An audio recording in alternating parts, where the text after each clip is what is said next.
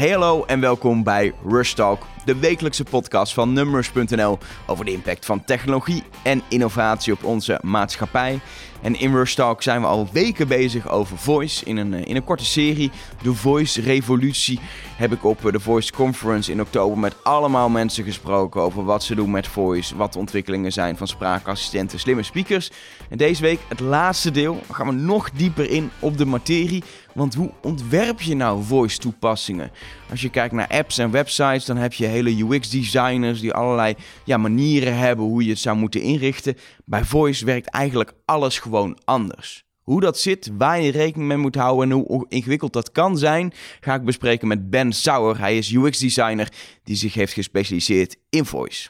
Uh, okay, Ben, you're an expert in design for voice. Is that right?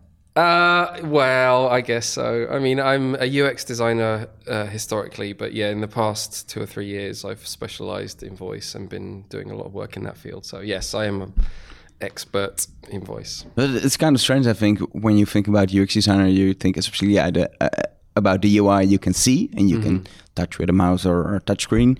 You you don't really have a UI with voice. You only have your voice and Correct. audio feedback. It is really different and I, and I think for designers who might transition, there are some interesting things you learn. I suppose the biggest one is I don't know if you know any designers like this, but a lot of the designers that I know are a little bit OCD, obsessive compulsive. You know, they yeah, like to pixel perfect. Yeah, line things up, and you know, you can't leave the de- things uh, messy on the desk. Perfect white spaces. Right, and designing for voice. Obviously, you apply the same desire for quality. You know, massaging the words and the way it works, but you don't get to create the same kind of neatness in the same way um, because the input is unbounded, the user can say or do anything. And that's um, effectively a kind of loss of control. Because when we design a screen, we have a huge degree of control in the way it works. And with voice, we just don't. And, and, and if you look at designing something for voice, it sounds so easy. You have to think about what people are going to ask and then answer, and yeah. maybe have some few other steps, or maybe make kind of a, a tree diagram of how a conversation would work. That's what yeah. I can imagine. Yeah. Is but but is that it or no. is it? No, I think it requires less practical skills. Right, you don't need to know Axure or Photoshop or Sketch. Right. So everyone can be a. I a, think a, so. A voice yeah. UX designer. But to assume that because you can talk, you can design a conversation is so wrong. Like it's actually, you know, you, you, it forces you to think about it very, very hard. Um, and a lot of it is about, you know, making it natural, making it efficient, because we're often designing for scenarios where the user wants something and you want to get out of the way. So you have to keep chopping away at the words. Can you make it shorter and shorter and shorter? Um, and so, yeah, it's, there's a real art to it. It it was natural for me because I did uh, literature. So I, I'm not. I wouldn't claim to be a great writer, but I was used to that process of kind of working the words. Yeah. And and and what what kind of things did you do? Do you have examples of, of stuff you worked on and where you had really hard challenges in in creating the the the right conversation? Yeah. Um, so where should I start? So I, I think the the bpost example is interesting. You know, I did some work with them. The bpost is a postal. It's the uh, postal service in in, in Britain, uh, in Belgium. Uh, Belgium, sorry. Yeah. Um. So you know, I worked with them to kind of figure out what what would those conversations look like. You know, if we were to solve some of the problems that customers face today, invoice. Um. So you know, where's my package? And it. you know, a lot of the um, the work there was actually cultural sensitivity. You know, like how do you um, how do you give somebody the feeling that they're really listened to? Particularly for me, when I'm designing in three languages at once. You yeah, know? I mean, I guess this is a, a slightly unusual example, right? But um, you know, having to think about well, you know, uh, I guess in Dutch you have je and u, right? Like formal, informal. Yeah. So you have to start being really, really. We're, we're very casual when we speak with those modes, right? But when you actually have to design it, like that becomes a very, very, very difficult intellectual choice. You know, who am I speaking to? How familiar is it? Um, you know, on the one hand, it's familiar because it's in your home, so yeah, you know. But then on the other hand, like if it's infrequent use or if it's a sensitive situation, well, may or, or older generations, you know. I, I think even there's a difference between Belgium, where there where there where it's more common still to use u.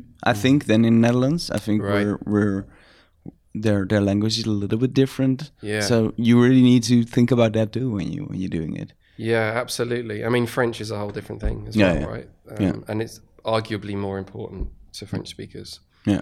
And and and what I'm interested in is it. I think you saw a lot of examples of, of, of voice skills and stuff people made, uh, especially the last two years. I think. Mm-hmm. What are the most common kind of mistakes or, or things Yeah, people can do better? So the first one um, is probably about managing expectations, and that's both positive and negative in the sense that you have to be able to say what your voice thing is capable of, and you've also got to be able to respond to the scenario where people try to make it do something that it cannot do. Um, so, for example, a classic thing for people who design skills or actions is to go, "Hey, welcome to blah," right? and leave the user with nothing. like that, that happens a lot, right? If you haven't really thought about the design. So a big thing for me is just like, well, you want to be able to say what the thing does, but you also don't want to make it like a long list of like a speech menu, you know, No. say one for this, say two, you know, like you you got to make it feel natural. Like so, the telephone uh, customer service uh, systems. Exactly. So, what I've spent some not inconsiderable amount of time doing is massaging that first message so that you can say what it does, you can imply what th- via that what it does not do, and then subtly suggest to people what they should say. You don't want to put words in their mouth. You don't want to tell them the exact words they have to use because you instantly break the feeling of being natural you know, you go order a coffee, no one is going to tell you how to order the coffee. No, you no. Um, so you have to. But uh, but there are different ways maybe to order the coffee. Like you know, I I like a, a, a black coffee or americano, and it's it's the Yeah. same in the end. And it's people use different words to Yeah. to order coffee. I can give you a good example actually in in uh, a related space. So a really common thing is to give a user two choices, right, or, or three. So we, you know, you say we have uh, I don't know a margarita pizza or pepperoni pizza. Question mark, you know. Yeah. Well, the problem is, is that you le- you then leave it open ended for the user to say something else. Well, Yes. do, you, do you have something else, right? So, a better way of framing that, and and Google are really big on this, is to say give your options, and then afterwards, you know, um, what's the word in Dutch? Welke.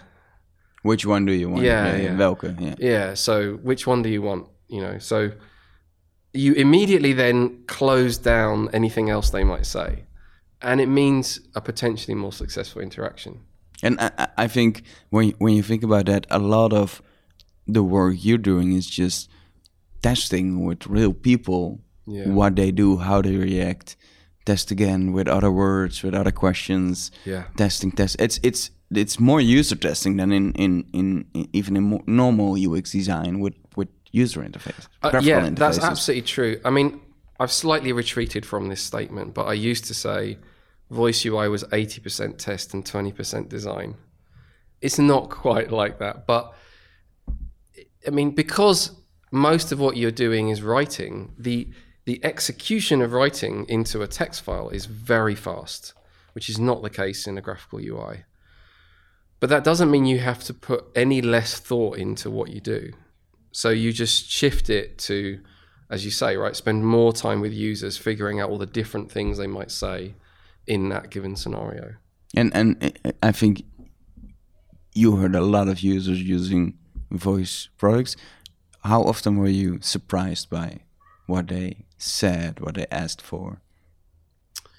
Do you Uh, get if you do it more? Do you get a good sense of how Yeah. people work and and makes it easier to do your work and and do less testing? Yeah, because y- you tend to see patterns. You know, I mean, talking about design systems and patterns. You know, you'll you'll see patterns of the way a question needs to be framed and the ways in which that can go wrong. And most of this is reasonably well documented. If you read the books or go read the design principles, you can start to develop a And sense that of and that stuff like which one do you want? Right, and exactly. asking uh, Yeah. stuff like that make it make it really Yeah. clear what uh, what you want, kind of input you want. as, yeah, uh, exactly. But making it sound natural. So you're not telling them what to say, but you imply, you know, I will Give, only give mu- me your choice, not yeah, like that. exactly. Yeah. So another one is um, one of the best sources that I've learned from is James Giangola. I think he's the head of conversation design at Google. Okay. Um, and he has a great talk last year at Google I/O, Advanced Voice UI Techniques. I can't remember what the exact title is, but he talks a lot about um, implicature. So, what do I mean by that? So, what is implied by a question? So, even really, really simple questions can have very complex implications. I'll give you an example, and I'll, I'll, I'll test you a little bit as a designer. so, um, I'm flying to Schiphol in a couple of hours. So, I might ask the Google Assistant, you know, um, when is the next train to Schiphol? Um, now, first of all, I want you to imagine all of the different data points you could reply with. So think about that train, right? How much information is there about that train, right? Like 50, 100 data points, price, time, you know, seating, Length. L- right like it just goes on and on and on so you as a designer Stops. yeah have to decide well which information am i going to give the user and in what order am i going to give the user so here's my question to you if i say when is the next train to schiphol what is the implication of my question That you want to know what time it leaves. Mm-hmm. Um, so that uh, uh, and so you can know if you can make it. So maybe it's about how how much time it is to the station too. Exactly, you've got it. Great. So that's exactly the sort of thing. A, a, a question that seems deceptively simple has very complex implications. So The easy answer is just there's a train in two minutes. If it is in two minutes. right, But right. you're like 10 minutes away from the train station and then yeah, you don't have anything uh, you can do with a train lesson in two minutes because you can't make it. exactly. So when I give people in my workshops this exercise, you know, they'll go, oh, they'll say the actual time, you know, seventeen ten or whatever, right? And you go, well, hang on, think about it for a minute. Like I'm by asking the question, I'm calculating if I have enough time to make it. So there's a lot in there in these questions, even really, really simple ones that you have to start prioritizing and unpicking as a designer. No, that's a that's a that's really hard, I think, because it's it's really about what people are thinking, and the options are endless. They're not really endless, but it's you know when you when you're just making a UI and menu, you have choices, and here there are unlimited choices for people, indeed. and they have ninety percent of the time they have two or three things they say. Yeah. But sometimes you forget their intent or what they say. Yeah. And I think another thing there is that you're never done, right? Because I can only test so much. I don't know what people are going to say to a thing in the real world, you know? And and actually I find that on some of the platforms, you know, the analytics aren't yet at the standard of what you would expect from a graphical UI. You know, we we've we've had analytics for graphical UIs for a, you know, But I think it is not only the analytics; it's it's things like uh, a conversation closes if you don't reply in a, in a few seconds, Right, and yeah. stuff like that. It's it we we are back in like first iOS App Store like stuff where Yeah. a lot of people can be done. You can't even copy and paste like you know Yeah. for first time. We're in that stage absolutely. and it makes it right. even more challenging because you can think about oh, I want to do a really nice conversation where people can then go do something else and go on with it, but then you lost the conversation because it's already closed and stuff like that. Yeah, yeah. Yeah, no, it's absolutely true. We're in a very early phase of this stuff, and you can see. You know, I I, um, I was speaking at um, NPO recently, and I talked about this a little bit. Like, we're in a sort of horseless carriage phase, where we don't quite know what to build or how to build it. You know, But we know we have something to do with it because all the people are getting the speakers in their house. Yeah, exactly. The behaviors are changing, but we're like, what is this thing? You know, and I, the, the example I think of is film. So did you know that like it took like 20 years for somebody to figure out that the close up was a better shot? you know, I'm exaggerating, but you know what I mean? Like the early days of film, they shot everything as though it was a theater, you know, like you're in the middle of the audience looking sideways at the action. And we're in one of those phases where we don't really understand the implications. We don't understand what we should make for it. Yeah, and uh, I think a, a lot of the stuff about the work you're doing is is kind of that we are in that exciting phase that you really are looking and seeing. I think you even when you design design something for voice now in five years because voice is then more common. We are going to ask different things, talk in a different way. I think I, I see now that I still am talking like I'm talking to a computer, so I really need to make good comments. I'm commanding the computer to put on my lights or to do this because otherwise, I know it doesn't understand what I mean. So just hard comments is the best way Yeah. to uh, uh, to do that. Uh, I think in a few years, I hope it's more conversational than it is now. Yeah. I want to give you an example of an of a a small organization who is trying to do something quite different in voice. So new behaviors. So there's a company in London called Sensible Object and they make a game called When in Rome and it's the first board game powered by Alexa.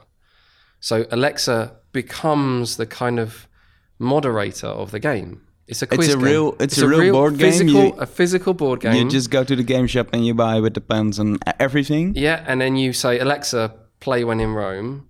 And then Alexa gives you the quiz questions, tells you the rules, keeps the score. And I'm like, you know, I mean, there's a lot of problems with it because it's the first attempt, right? But you're going, yes, this is brilliant. Now somebody's trying something genuinely different with this stuff. Um, and it's a great product to try out if you want to kind of understand some of the issues with building for voice. Uh, That's really interesting. Uh, do you think there there are going to be a lot of voice designers, UX designers, the upcoming years? Because now you see really see people talking about there is something like a UX voice designer, conversational designer. Uh, I I hear ten different names for the same. I think, but it's really starting. That's a job you can do now. Do you think a lot of people are are are needed in this space? Yeah, I mean, I think it will be ultimately it will just be part, probably, I guess, be part of a mix of things that, in the same way that you, a UX designer, switched from web to native to mobile. You know, you you will see designers who are relatively generalist in future. I think who have a bunch of skills, including designing multimodal, you know, voice. And you know, honestly, like you apply a lot of the same kind of thinking. It's just to a slightly different medium. But but I think you have to be kind of a copywriter too. Yes, but I think a, a visual designer needs to be that anyway. Yeah. I, I know that Ryan at Basecamp, I think I think it was somebody at Basecamp, it was either him or one of the other designers at Basecamp said, "Design begins with words." You know, Yeah. yeah, and it, it's kind of true. Like th- there's a real truth in that. Like what what are your nouns? What are your verbs? What are the objects of attention? What are the the flows? I mean, I'm not saying I design that way every time, but you know, if if I knew a designer is great at understanding a user need, the right words to put on a button, you've got the skills. You know. What do you what do you think are the biggest challenges for for companies starting with voice? Um, the th- the question I get asked most is like, you know, what use case should we start with? And I and I think like I, I- I consult a lot on helping them with that. Um, but really, I think the, the the challenge is just getting people to learn. Um, and it's about a phase where you know, as we mentioned, right, you were in this. No one really knows kind of how it works or how it fits in or what we should do with it. So it's more important that you dedicate time and resource to figuring out how it works and building, you know, giving people the time to learn rather than saying, you know, build me a great, a great business case for this because it's not going to pay off right away. Sorry, it just isn't.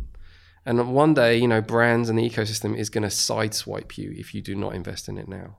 Yeah, so you need to invest, but only it's it's really investing for the future. Yes, absolutely. And and is it is it a, a good way to just start with brainstorming, doing a workshop, and then really creating something in two days? I hear a lot of companies Yeah. that do just like a small design sprint and then make something and really release them into the public. Yeah. But in the end, it feels like half of the Google Assistants now is some kind of bad uh, ideas out of hackathons. Yeah, yeah, yeah. No, that's completely true.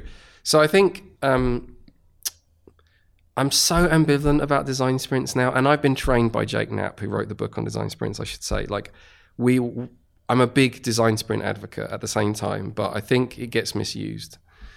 Um, I wouldn't launch anything that came out of a design sprint, you know, unless it was like crazy short right? You know, like literally a one command type deal, you know. But if if it was any more complex than that, you need more time to figure out what people are going to say to it or what the flow is. Like a, a design sprint on its own is not going to do that. So I think it's um yeah, the design sprint itself, I would treat it as a learning exercise, not an output. This phrase we used to use at the company I worked at a lot, and I'm not sure who said it, was like outcomes, not outputs you know, a design sprint is not about the thing that you did at the end. It's about what you learned. You know, hey, you know, like KLM, we're talking about this today. Like, these are all the things we learned by doing voice. Have we launched it all? No. You know, and that's the way you should treat it right now. And I, and I, I think what gets fetishized are like important or sexy use cases. You know, oh, wouldn't it be great if blah, you know, and you kind of go, well, yeah, it would, but does it really solve a customer need that's appropriate to voice like right now? Maybe something simpler and more mundane is the right way to go. You know, that's my take on it. Yeah, and and and if companies want to start and think we need to invest in the in the future now, Yeah. what do you advise to them to do?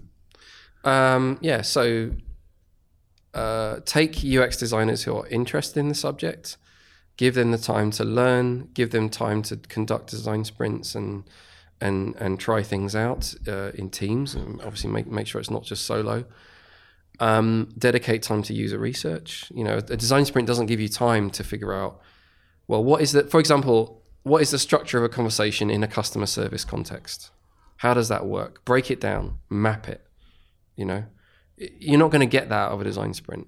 You know, but if you give somebody the time to do that, So it's really about investing time. I think about investing time, and and also I'd say like you don't need to invest loads in development unless you're really ready to launch. Like the development requirements are, are relatively low if you're just kind of playing around and learning. You can learn a lot without doing any code, um, and so start there. You know, before you make heavy investments. Yeah, if you if you look at the market now, uh, you have Google Assistant, Amazon Alexa, Hmm. uh, uh, Siri, but it's a little more bit more closed. Uh, Yeah. uh, there's somewhere there's a Cortana somewhere Cortana, too. yeah, Um, uh, but it's it's in Netherlands it's kind of easy because only the Google Assistant now is Dutch. So a lot of companies are just doing Google Assistant. But for other, other companies, you're like, okay, we're going to do something in voice.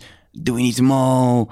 Do we need to one? It's it's it's it's a really confusing landscape with all the different assistants. Yeah, and it's changing so quickly. I think that's what makes it extra confusing. You know, because like for example, some of the organizations I've dealt with where they know it's coming but they don't know like in Belgium when I was working over there, we hadn't actually had one of the big platforms launched. So you're kind of saying, well, should we go Alexa or should should we go Google Assistant, right? We don't know which way to bet. Um, so it, it is confusing, but as I mentioned before, it's about the learning phase. If you work with some of the of the companies like Google and Amazon. Don't you say to them sometimes, "Yo, work together, make a st- open standard behind your systems"? Um, I others have said that. yeah, I don't need to be the one that says that, but you know their incentives are wrong, right? Their incentives are to capture people's attention and, and lock you into an ecosystem. So it's a bit difficult for me to come along as a solo consultant and and say that. Um, but yeah, I mean, I I don't deal with um, Google and uh, Amazon that directly, but for example, the methods that I showed off today, I know some teams have used those internally, so I've had some some effects. Yeah, but but do you do you think it's that it's going to change? It's going to be more open, or they're going to be working more together in a few years? Well, I don't think you can un- really unlock the power of an assistant until you create standards that, for example, you know, is there a standard for how we switch lights on and off? There isn't. You know, there isn't a standard for how you talk to a booking service. You know, these these problems are slow, right? Like if you think about web standards, you can't just make up a standard and then every expect everybody to adhere to it. It takes time. It takes advocacy and these organizations just want to launch and, and, and do things quickly. So again, you have a slight incentive problem, you know? So a lot of work to do still. Yes, definitely. thank you so much for your time and good luck. Ah, thank you. It's been fun to talk to you. I enjoyed Thanks. it. En daarmee eh, komt er een einde aan deze editie van Rush Talk en ook eh, deze serie The Voice Revolutie. Heb je niet alle afleveringen gehoord? Check vooral even numbers.nl slash Talk of gewoon uh, nummers in je favoriete podcast app om, om de eerdere afleveringen te beluisteren. Volgens mij echt een hele interessante serie over wat er allemaal gebeurt met Voice, ook in, in Nederland. Zodat je echt helemaal op de hoogte bent van deze technologie die ook volgend jaar denk ik erg, erg belangrijk gaat worden. volgende week is er gewoon weer een nieuwe Rush Talk. Eh, dan over een heel ander onderwerp. Eh, heb je nou voor nu nog wat te melden over deze serie? Wil je vaker series of juist niet? Vond je voice een interessant onderwerp? Eh, ik ben benieuwd naar je reactie, dus, dus stuur me even een tweetje via @elger of via @numbers. Je kan ook altijd terecht op facebook.com/numbers. Wil ik je nu bedanken voor het luisteren en tot de volgende.